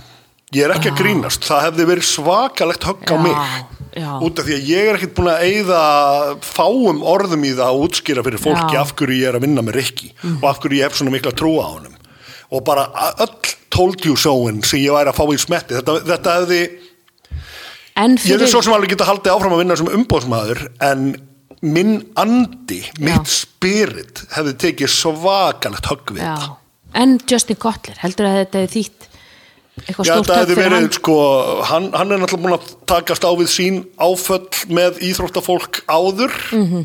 Já, þetta hefði bara, þetta hefði gjörsalega rekkað hans anda. Já. En sko, ástæðan fyrir að ég er að vinna með Rikki er að hann var byrjar að vinna með Justin Kotler Mhm. -hmm. og ég hugsaði með mér, fyrst Kotler er að veðja á hann og fyrst Kotler talar svona vel um hann, þá hlýtur að vera hellingu spunnið í hennan strák. sko. þú nálgaðist hann með það ekki Jú, en eftir að hafa tekið heilt kvöld með Kotler að Já, spjalla, já, sko, já, já, já, þá já. hérna, það, ég, hef, ekki- ég hef ekki spurt Kotler, sko, en ég, mig- ég hef nú grunaðan um að hafa verið að planta fræinu svona svolítið meðvitað, þannig Já. að, að, að ég, ég gæti alveg trúaði að hann hafi sjálfur kosið að ég væri með Rikki, út af því að ég og Kotler eigum svo gott samband. Já, já, já, einmitt. En uh, uh, snúum okkur aftur Já. að sko, f- svona típiskun degi. Akkúrat. Þú veist, ef að þú ert ekki að slökva elda, ef það er enginn sem er handlegsbrotinn eða, þú veist, Já. að, uh, sko, típisku Þá dagur. líður mér eins og ég hef ekki gert neitt yfir dag nei, Einmitt. nei, sko Ég er með það stóran stapla af verkefnum að ég, það, er, það er aldrei verkefnaskortur út af því að ég get alltaf farið í einhverja bakvinnslu í að byggja kynningu um íþróttafólkið að búa til flott pdf-skjal sem ég get senda á alla sponsora með öllum upplýsingum skrifa biografíunar og allt hvaðan ég gerir mjög mikið af þessu dóti en þetta mætir alltaf afgangi mm. svo er ég alltaf nota ég alltaf hluta af mínum tíma til þess að hafa sambandi fyrirtæki sem þar sem ég hef ekki tengst Á, ok. ef ég sé að það er að koma eitthvað inn í crossfit senuna -hmm. eða eitthvað sem ég langar að fá inn mm. Vá. einhver um, einhvern veginn komu þessi fyrirtæki fyrst inn Já, og sumt af þessu kom bara út af því að einhver umbóðsmaður hafði samband, seldi draum já, kynnti valmöguleika þannig ég er alveg með targetlista af einhverjum vörumerkjum sem að ég hætti ekki fyrir en ég er búin að koma þeim inn getur þú sagt hverju þau eru? Nei, Nei. já, ekki, ekki svona hel, helst ekki Ég Ég vil- get ekki skupa neinu hérna. Nei, Ha? en ég meina, ég vil fá einhver, einhverja ég kom með Volkswagen inn ég meina, Volkswagen Já. er þetta stóru sponsoraðalum hennar Söru og það Einmitt. er algjörlega uník yfir íþróttina í heilsinni hún er eini Já. íþróttamaðurinn í CrossFit sem er með samning við sjálft sjálfan bílaframleðan, Já. við sjálft móður vörumerkið Fóstu bara til Þískaland í bara Það er alltaf tenging- pílagrimsferð. það er alltaf tenging það er alltaf einhver sem þekkir einhver sem tipsar einhverju en ég vann helviti mikla vinnu eftir að, eftir að hafa verið bent á réttan aðila -hmm. en sá rétti aðili hafði byrjað að æfa crossfit í Wolfsburg Já. og fengi smá bakteríu já, já, það er nú oft þannig mitt að það sko, er einhver tenging við að sko, einhver hafi sko, stunda crossfit Það- sum Já. vörumerki verða til innan crossfit Já. þú veist, Noble, Noble, Whoop, Whoop og Rók Rók uh, og það, uh, það eru fleiri það er hérna GoWatt eða ekki? Jú, jú, Já. GoWatt og síðan öll þessi Grips, Pixel og, og það Einmitt. allt saman, ég menn það Já. er bara fullt af sérvörum sem að eru CrossFit specific Já, sem að fyrirtæki hérna, hafa stopnast í kringum Sippuböndin, Arrex hérna, Já, allt Jump það Ropes, já. og síðan þessi þjálfunabrönd sem eru að verða svo stór núna Mayhem, Mm. HWPO og það allt saman, þetta er allt, kemur allt innan úr þessari Mhm. sömu já, senu já, þú veist, það, það, það er svona, byrjar einhver sem er að æfa crossfit sé sér eitthvað það vantar eitthvað eins og Whoop Mhm. sér að það vantar eitthvað og já þeir sem eru með hérna uh, svona klukkur á, á þú veist veggina þú Já, veist já, og eru farin allt að gera það. svona litlar klukkur sem fólk getur haft heima á sér Einmitt. og skilur þú veist það sér svona það er eitthvað þörf, það er eitthvað svona gappiði markið þú veist en svo er einmitt svona utanakomandi brönd sem koma inn eins og týr sem Mhm. hafa alltaf verið rosalega stórir í, Í sko, sundi. sundinu Já. og nú eru þeir komin inn í, inn í þeir eru að crossfitið setja um sko. miljónir og miljónir ofan í Já, það, þú ert með marga uh, íþróttamenn sem eru með Já, ég held við styrk séum frá með þeim. sjö manns af, af þessum 33 eru sjö hjá týr þannig að það er helviti, helviti hátt hlutall Mm. Já, þeir eru komin með rosa stónefni með Patrik Velner er hjá Anni, þeim Anni er aðna Anni er komin til Björgvin þeirra. Mhm. Karl er aðna mm Solveig er hjá þeim Já, Emma Tall sem ég er með líka já við glimtum henni, við upptalningur gleymdum aðan henni, Emma Tall já, já, hún er hérna hún er hjá þeim Já, einmitt Guillaume Briand er hjá þeim Hann er já, hjá þeim. Það, er, það er hellingur af fólki Já, já, og ég með þeir eru að koma mjög sterkir inn með, þú veist, flotta Rikki skó og náttúrulega Róman, ég gerir samningin hans Rómans við þá þannig að Alveg það er rétt, hérna, já, já, já, einmitt þannig að það eru svona brönd sem að koma inn og fara svona aðlaga sig að crossfit íþróttinu, þú veist, með að uh, þú veist, vera með vörur sem að passa við íþróttina þú Já. veist, þannig að einhver hefur kannski náð týr inn og tala við á, einhver umbásmaður saga, Nei, sagan þar er bara að sonur Mm. eigandans, eigandinn er komin núna á aldur og sonurinn er að stígu upp að er orðin CEO fyrirtækisins mm.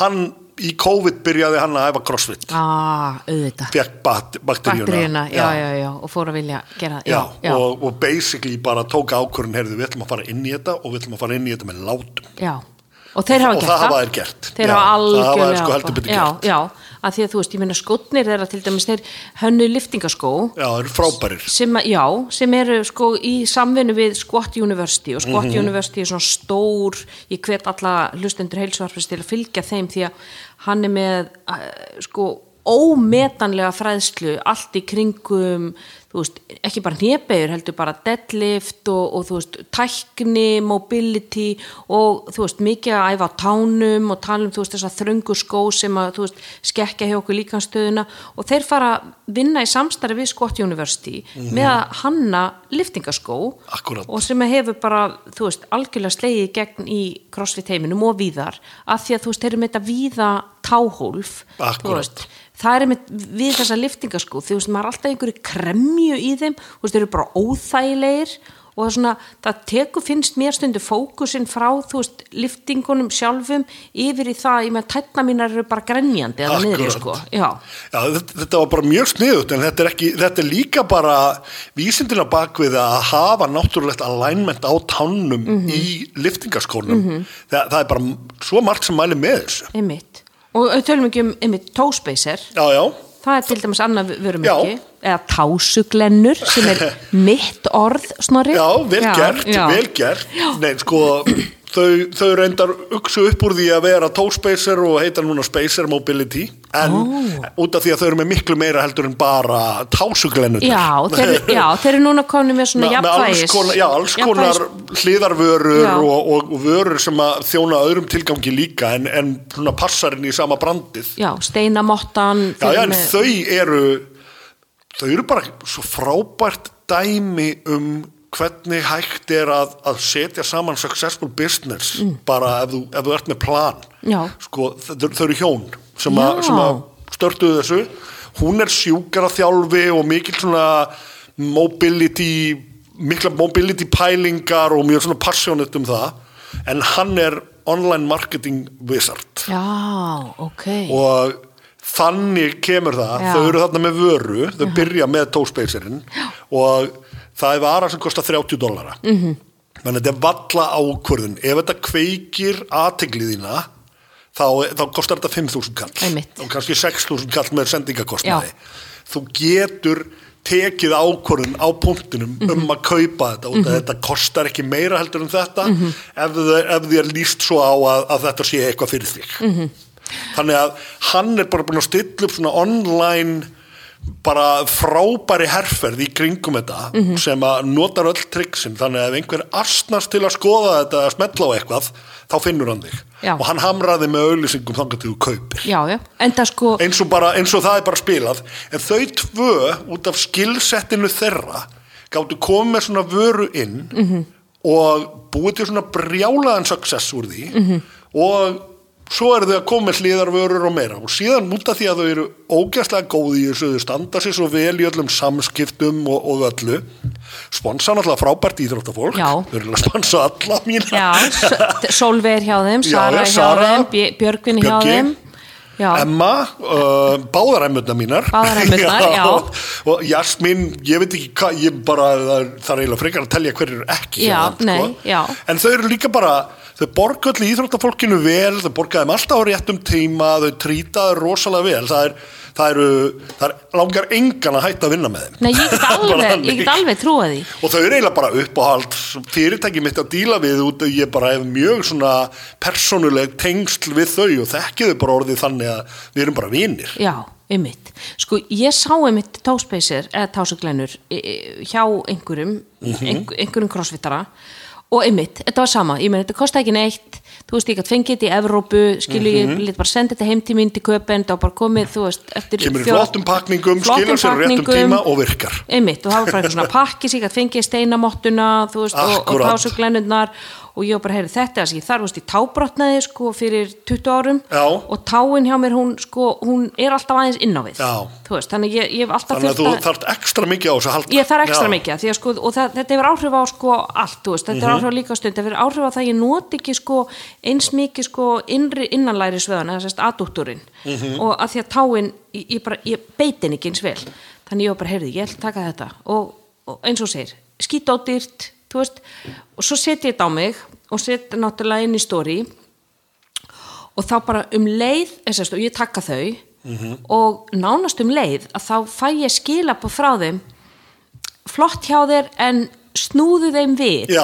það hafði ég Þannig að notað þau meira sér að tóku eftir Þau því. tóku Já. eftir því að ég var með En þær Þetta öfugar. kemur ekkit á óvart. Nei. En þetta er bara passjónið sem þetta fólk hefur. mér fannst þetta svo Og það var pokkett persónlegt bara eigandinn sem að spottaði þetta. bara Já. öruglega sko. Já. og ég var alveg svona þetta ég bara vá, já takk fyrir og þú veist og svo repostuðu þau þessu og, og þau Nákvæmlega. gera það ef maður setur eitthvað inn en svo er náttúrulega skemmtilegt frá því að segja að e, kona eigandans í Eirberg fylgir mér Mhm. Já. og sá að ég var að nota þetta og eitthvað í raktinu og eitthvað og hún fef náttúrulega til mannsins síns og segir, heyrðu, hún rakkanaklega að nota hérna þetta tóspessi, þið verða að fara að flytja þetta inn Já, og þeir gera það síðan. og svo fóru þeir náttúrulega og ég baði á um að nota tásuglennur og þeir nota tásuglennur og þeir að fara í þú veist, viðtölu og eitthvað og, og, og tala um tásuglennur og passa það þetta er orðinu röggu en þú veist, þannig að, að þeir að fara að fá líka í mitt þetta balans, eða sérst, þetta jafnvægis Já. sem að Þetta gormadrastlana. gormadraslið Já. já, Já. þannig ég er mjög spennt fyrir að prófa það því að eins og segi, þeir eru svona vika út svolítið svona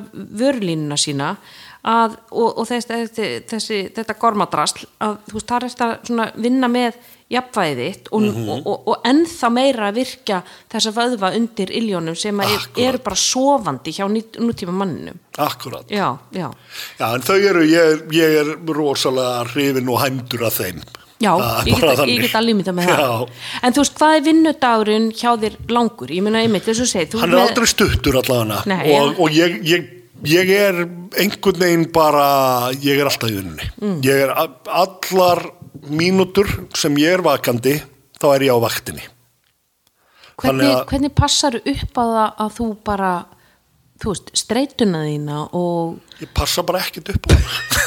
Það er bara þannig. bara skilur upp þessa spurning hvað- Nei, ég meina, þú æfir Ég þekki ekkert annað, já, já, ég æfi, ég, ég á tvo stráka sem að ég, ég eigði talsverðum tíma með, en þeir finna alveg fyrir því að ég er alveg, ég, ég er max 80% dedicated í þá. já, Ég er alltaf með allavegna hlut af öðru auganu á símanum, hvort eitthvað hafi komið inn. Mm. Það líða aldrei meir en tíu mínútur millir sem ég kiki á símanum, hvort eitthvað hafi komið inn. En ég passa auðvitað þegar ég er búin að ákveða, að ég ætla ekki að vera present í vinnunni, þá er það eina sem ég gerir að kíkja hvort að það hafi komið SOS til mín. Mm. En ég get, ég get ekki leift mér að láta bara síman frá mér ég get ekki leift mér að slökka á honum bara yfir helgi eða eitthvað, Nei, nei, þó nei. ég stundum myndi gjarnan en ég meina, vilja þú gera veist, það getur þú farið í bíó á þess að kíkja á hann ég geri það já, og þú og það kíkir eru þá ekki á sennilega hann leng, já, þa- nei, það eru sennilega lengstu tímanir, lengstu stöku tímanir fyrir utan það þegar ég sef og Mhm. ég er náttúrulega sef ekkert mikið en hérna, það, fyrir utan það þegar ég sef þá er það þegar ég fer í bíó þegar mér finnst mjög gaman að fara í bíó Já. og, og við gerum það svo- svolítið saman við strákarnir Já, þannig já. að uh, það er bara hlýi Já. þá kík ég bara Þá kíkir, á- kíkir á hann. Já, ég asnaðist til að gera þetta áður og hérna var, var svolítið meiri í símanum og það var einhver stelpa sem satt fyrir aftan mér sem gjörsanlega tjúlaðist á mig fyrir að hafa verið í símanum og ég einhvern veginn bara lærði leksíuna mína Já. þar ég, hérna, ég tjúlaðist ekki á móti heldur Nei. ég bara döðskamaðist mín og hef ekkert verið að kíkja á síman þegar ég er í bíó nema bara þegar það er hlýja Einmitt, Já. einmitt. já. Lesson learned, takk fyrir þessa leksíu Einmitt, við sjátt á þessa stelpu í bíónu Já. fyrir að láta snorra Hún hafði heyra það, 100% sko. rétt fyrir já, sér. já. Já. En, en, en sko, þú, að því þú æfir og ég meina nú erum við heima hjá þér og ég Já. veit að þú ert hérna með þú veist, hérna kallmannahelliðin hérna Já, já. inn, í, inn, í, inn í bílskur Ég er auðvitað búin að koma mér upp heimili núna sem að bara er skrifstofan mín, er gimmið mitt, er staður þar sem að þegar íþrótt því að fólkinu sem ég vinn með þykir mjög gaman að koma til Íslands og æfa hérna á Íslandi og svona. Þannig að ég er með pláss, ég er, með, ég er hál- hálfpartinn svona farfugla heimili fyrir, fyrir íþróttafólki mitt í leiðinni. Þannig að ég er búin að koma mér upp aðstöðu hér sem er algjörlega frábær ekki gleyma út podcaststudio Sko, ég er alltaf með podcast- heilsuvarpsins Já, já, ég, ég er bara búin að seg- ég, þetta er bara hýbrit heimili Einmitt. sem að bara hendar í þetta allt saman en svo er ég í flugvél eða á Já, hótelherbyggjum já. svona 200 dag á ári Já, Þannig já. að það er nú, ég er nú ekkert alltaf heima hjá Já, mér sko. en finnur fyrir streitu þú veist, finnur fyrir því að þú veist þetta ég, ég, starf ég finni fyrir því ef ég er ekki með streitu ég, ég, held að Já. ég, ég er orðin vanur streitu streitu ástandi og, og það er bara sko, það, það má alveg koma fram hérna að ég er búin að vera edru í 27 ár Já. og það, þannig að sko mín ég, ég, ég er ekkert að bardúsa við einhverja drikju eða einhver Nei. djöfulgang eða partístand eða annað þannig ég þarf þessa streitu bara til þess að vera með eitthvað sem keiri mig áfram Já, sko. já, ég meina, já. kaffi er bara eina fíknefni mitt Já. og djöfull nota ég mikið að því sko. Já, já. og það hjálpa mér nú alveg að keira mig upp og að vera svolítið on edge sko, Já. þegar ég er búið með tíu kaffibotla og ekki komið hátegi sko. þú veist þannig að það er mi- rosa mikið andrenlín og þú veist í, Já. í þessari vinnu og einmitt, þú ert að vera en, en on mér líður vel en og þú ert að inn á spyrja hana. því, mér Já. líður bara genuinely vel Já. og ég hérna ég, mér finnst ég ekki þurfa á einhverjum á einhverju öðru heldur en bara nákvæmlega því sem ég er að gera Já. og oftar en ekki ef það er eitthvað að, að, að slega mig ef, því, ef, ég er, ef það er einhver hundur í mér -hmm. þá fer ég bara hérna út í skúr og tek æfingu sko. Mhm. Já.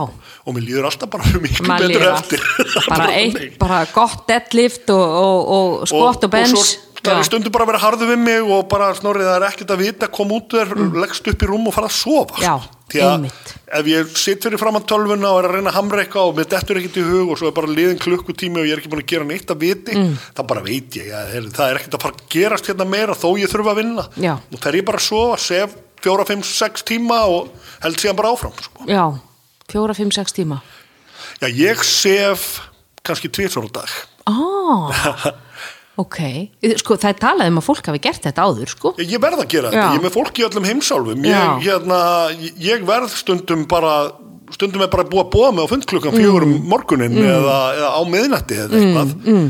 og þá kannski sef ég þrjá tíma, Já. tek þann fund svo er ég bara glaðvaknaður eftir þann fund og þá vinn ég kannski þrjá fjóra tíma í viðbútt og svo Og legg sefur- ég mig bara aftur Já. í fjóra tíma Já. ég sef 6 til 8 tíma á sólaring bara ekki í einu Nei, einmitt, en einmitt, það er mér talað um bæ- bændur hafi gert þetta og þú veist að Já. fólk hafi þurft að gera þetta hérna á- Nákvæmlega. á- áður fyrir sko að þú veist að það sé í lagi að við fáum þetta í tveimur bútum svo lengi Mhm. sem við erum að fá þú veist heildarsvefnin yfir sólarringin Já, og svo bara stundum um helgar þá, Þá vinnur. leifi ég, nei, þá leifi ég mig bara stundum að sofa bara, þá kannski sef ég bara 12 tíma í, í einni bun. Mm.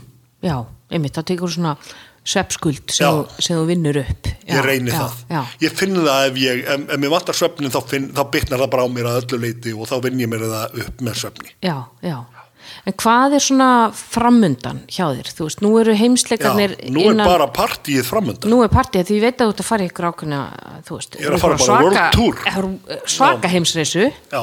og svo koma semifínals og Já, það er það sem ég er að fara í. Já. Það er sko, ég er að, ég er að fara, hún, Lucille kollegin minn, hún er að koma með slatta af íþróttafólki hingað til lands núna í mæ og svo erum við að fara saman í þessi þrjú semifinal sem eru þrjár helgar í röð þannig að það er Orlando, svo er það Pasadena og svo er það Berlín Þannig að- Ah, þú ferð sérst á alla semifinals í Ban- bandaríkjunum Já, ég er náttúrulega með íþróttafólk þar og svo endar í Berlín Já. það er byrjun júni yes. svo, smá slaki svo er smá slagi fram að Já, eða leikum slaki og ekki slaki út Já. af því að það businessin lifnar við þegar það er komið í ljós hverju fara á heimsleikina Mm. það, það er náttúrulega valjú uh, hvers íþróttamann sem svolítið metið út frá því þannig að ef eitthvað af þessu fólki sem ég er að vinna með tryggir sig sem Mhm. mm hafa kannski ekki búist við fyrir eða eitthvað þá stundum er það það sem tilþurfti til þess að samningarnir kæmu bankandi sko ah, og oftar en ekki er ég búin að leggja upp en er að býða eftir ákvörðuninni og ákvörðunin byggist á því hvort við komandi treyðir sig eða ekki. er, hvort er algengara þú Mhm. veist að þú hafi samband við einhvern styrtaraðila eða þú veist styrtaraðila hafi samband við þig Svolítið erfitt fyrir mig að skera úr um þetta núna út af því að samskiptin eru orðin þannig að í hvert skipti sem ég tek nýjan íþróttamann að mér þá sendi ég eins konar fréttatilkynningu bara á öll fyrirtækin, heyrðu, ég var að byggja að vinna með, með þessum eða þessari og þá vita þau það síðan býð ég nú yfirleitt, eftir- býð ég nú yfirleitt átekta þaðan Já.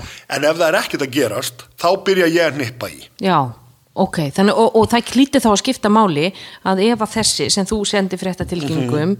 að gengur vel á open, kemst inn í Já, quarterfinals þá þú veist, lifnar allt við og svo kemst kannski inn á heimsleikana að þá fara þeir þá fara þeir að banka Já, já, þeir náttúrulega Það sjá er anna- rosa annars, annars vegar er, getur verið svolítið spennandi á milli quarterfinals og semifinals Já.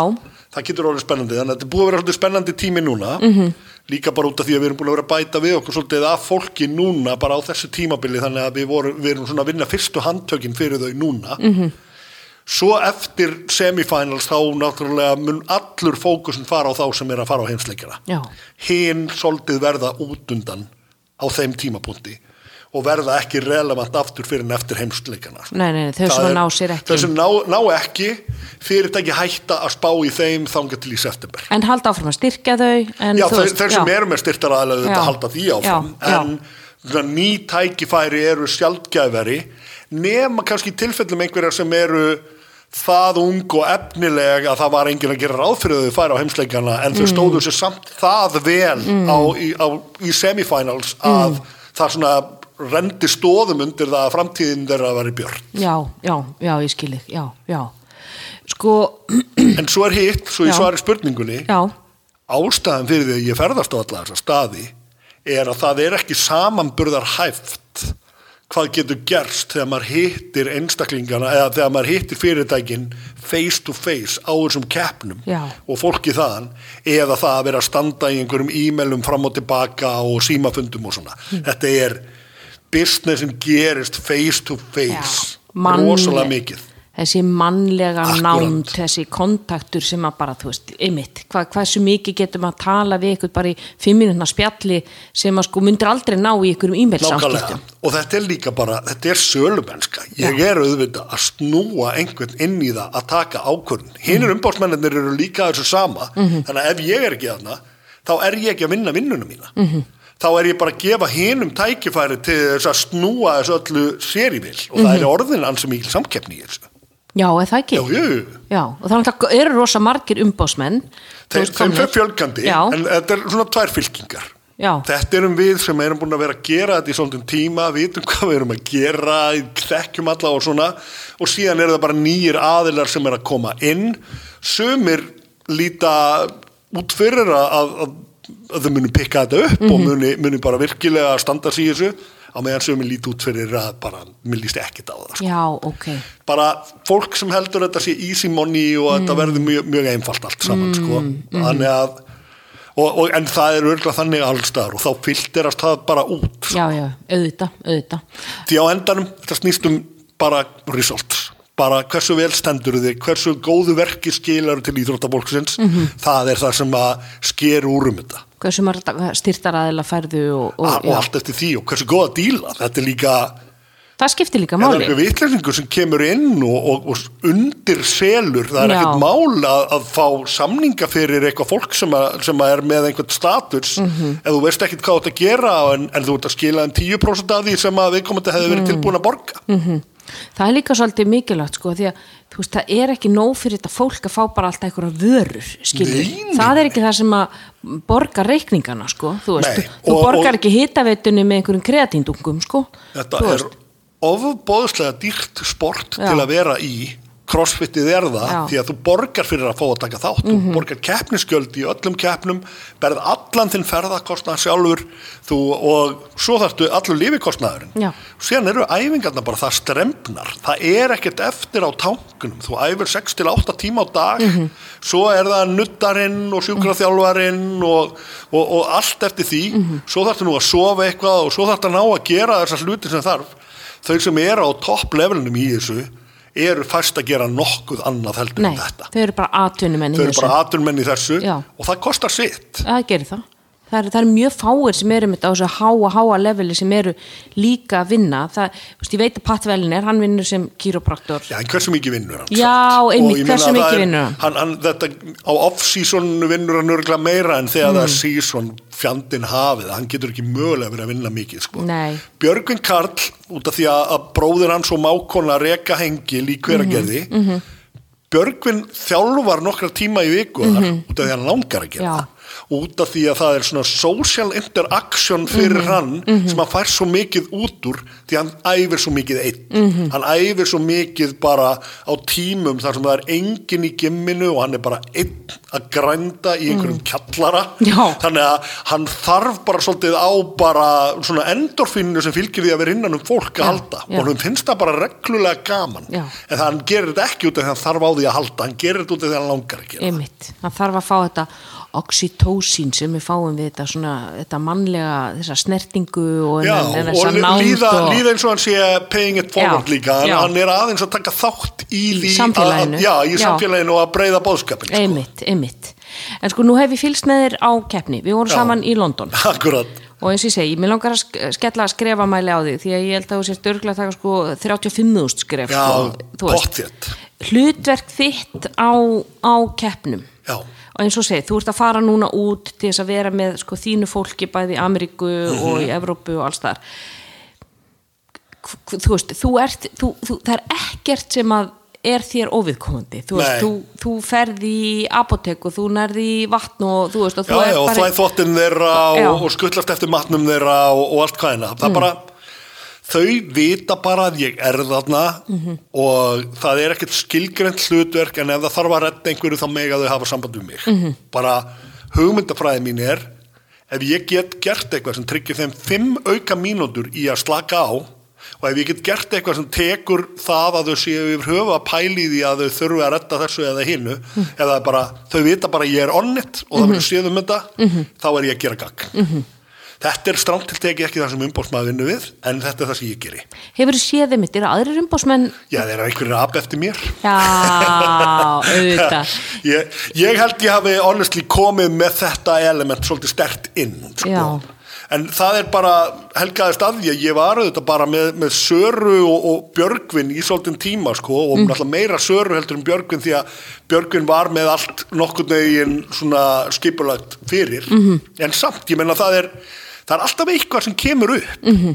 og það er alltaf eitthvað líka bara nú, nú erum sérstaklega við sem erum búin að vinna hvað lengst saman við erum orð, orðin nánir vinir Já. þeim, þeim finnst líka bara gott að geta ringt í mig Mm. og ef, ef þau eru svegt þá er bara fínt að geta bara ringt á mig og öskrað á mig sko. Já. og bara, bara til að komast út úr systeminu út að þau vita að ég skilða Já. og þau vita að ég er ekki að fara að, að, að, að fara í einhverja fílu eða, eða eitthvað annars líkt Nei. og, og það er, ég meina, þetta er ekki einu sinni ónærtækt dæmi, þetta gerist bara hverju einustu keppni að það er íþróttamaður sem er ósáttur við domgæsluna eða ósáttur við eitthvað og þá er bara helviti fínt að fá að taka þetta drama út bara á mér og það er ekki að kenna mér um það Nei. þau þurfa bara einhvern sem þau þurfa aðeins að vera nógu vulnerable að þau geti bara grenjað þetta úr sér eða, eða hvað annað út af því ég er ekki að fara að dæma Nei, nei, þú ert líka, þú, einmitt, þú ert með breytt bak í, Já, og ég getur- skil bara skil- hvað þau eru að, já, hvað, já. hvað þau eru að gangi í gegn. Ég Já. er búin að sjá þetta nógu oft. en síðan meiðir einhver sig eða það er tilkynntur viðburður og það þarf takkaskó en ekki venjulega skó og það er engin með takkaskó þannig að þá Mm. þarf Þú ég að finna ferð einhver þá- íþróttaveruverslun og köpa takkaskó eða, Já. og, og stundum með fer ég bara í einhver erindi sem er algjör óþarfi Mm.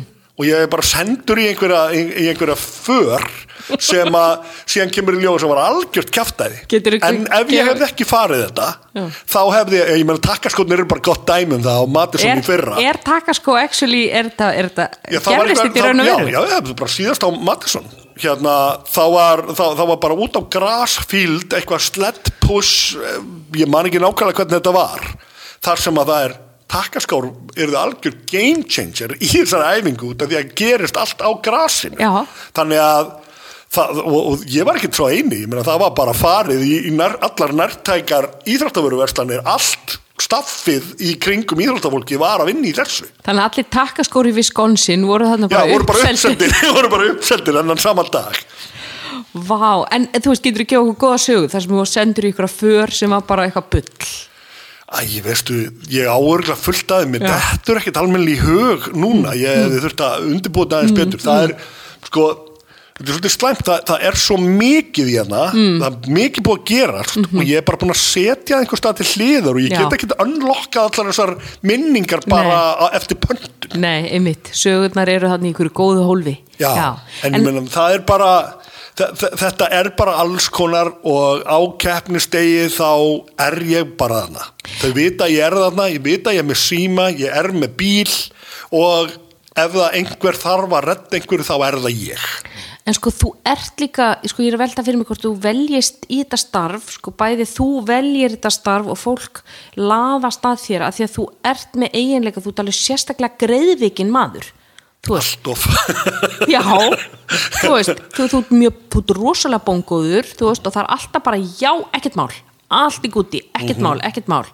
Þannig að sko þú ert svona algjör people's person, þú veist, já, já, að hvert að það sé svona, það er örgla hluta af þessu elementið í þessu starfi sem að heldur þér þarna, þú veist, þetta er ástriða, þú veist, Mhm. þetta er ekki beint, þú veist, einmitt, þetta er, þú ert að vinna við þetta en þetta er samt áhugamálið og finnst þetta eiginlega ekki Já, ég vera að vinna fæ af því- mikla ánægja af þessu sko, Já, af því þú ert með svo mikið fólk. þ- þrátt fyrir allt þetta sem ég get svo sem alveg hérna samsvara með við þá náttúrulega mikið af þessu bónga og fólki er bara reglulega bara valtað yfir það er bara yfir, yfirleitt fólki sem er alltaf að bjóða og gera öllum greiða fær aldrei neitt til, tilbaka þannig Mm. að ég þurfti auðvitað svolítið að að skúra það til líka Mhm. mm -hmm. því á endanum ég þarf að skila árangri Já, og það eru margir sem reyna á allt yfir mig, getur mm. sagt þér það er, það er mikið af strömbnum samningalótum og mikið af frekju og mikið af, af, af ósangirni og öllu Já. sem ég þarf að geta staðið í lappinnar á móti sko. Já. þannig að það eru auðvitað takmörk fyrir því hversu tolerant ég er Já. en fólki sem ég er að vinna með mun ég drepa fyrir Já. mun ég henda mér fyrir rútu fyrir Já. og það er bara mín aðferðafræði í þessu og þannig er það já.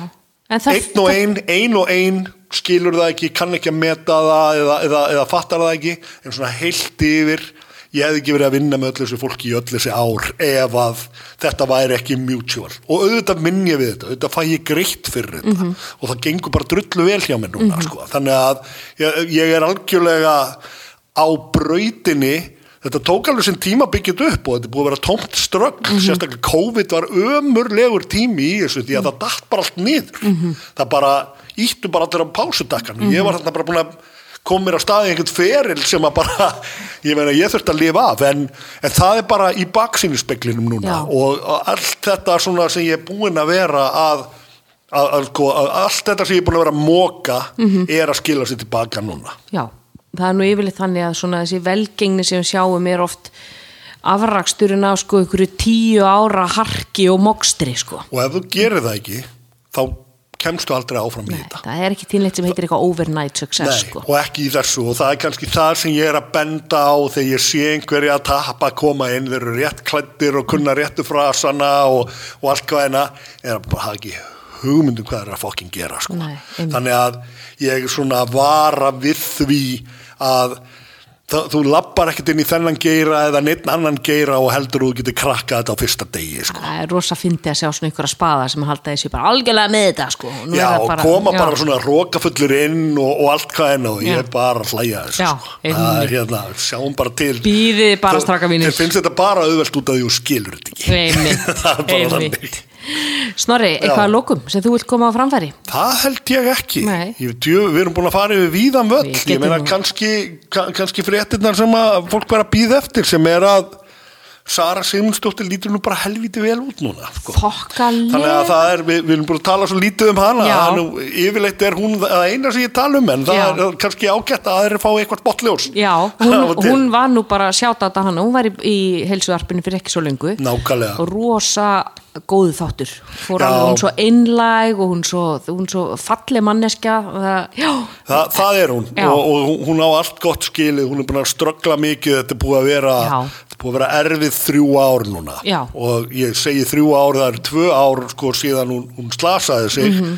en árið í aðdraðandanum að því var helvítis basl líka, Mhm. það var eitt og annað sem fór úrskeiðis og, og svona ég hef oft spurt mér bara manneskja sem hefur svona falleg viðmið Mhm. og hefur svona he- hefur, hefur lagt, lagt svo hart að sér og gert svo margt gott hvernig, hvernig getur það gerst Já. í einhverjum svona karma heimi að, að það sé kúka svona svakalega á hana sko, bara einmitt. þannig En maður verður eiginlega að trúa því að karma sé bara núna búið og þetta Já. sé bara upp á Ég, við ég núna meni, þetta er bara Hún sé bara að fara í gegnum mót- snjóskaflinn, já, sko. já, en þetta er bara hluti af hennar motivational journey Já. sem er það að hún er aldrei búin að missa haus í gegnum þetta allt saman og það er ótrúlegt sko. það er, hún er aldrei búin að missa sjónar af drömnum sínum og hún er aldrei búin að hætta að vinna að markmiðinu sem hún er með ég meina markmiðinu hennar er að vinna heimsleikana hún næstu því gerði það 2015 grátlega nálægt því en ef það hefði tekist þá þá mögulega hefði hún orðið sött þannig Já. að sko Það er ekkert hægt að eiga við söguna, það er ekkert hægt að eiga við hana. Hún er með eitthvað hungur þarna út af því að hún er ekki búin að ná þessu Mhm. og búin að íta sér í gegnum meðusli, búin að koma aðeins og snemma tilbaka úr þeim sem sett hana í, í djöfulsins vandraði Mhm, aftur en núna er hún búin að gera ég fylgist auðvitað um nái með þið Já. og við, við tölum saman á hverjum einasta degi og sama hvar hún eða ég erum í heiminum við erum alltaf Hún er í sambandi Dubai eða ekki hún, er, núna? hún er eiginlega nokkurn veginn búsett Já, þar já. Eh, hún er bara þar sem hún vill vera þegar henni sýnist Já. en hún er búin að vera ansi lengi þar núna hlutorslega Já.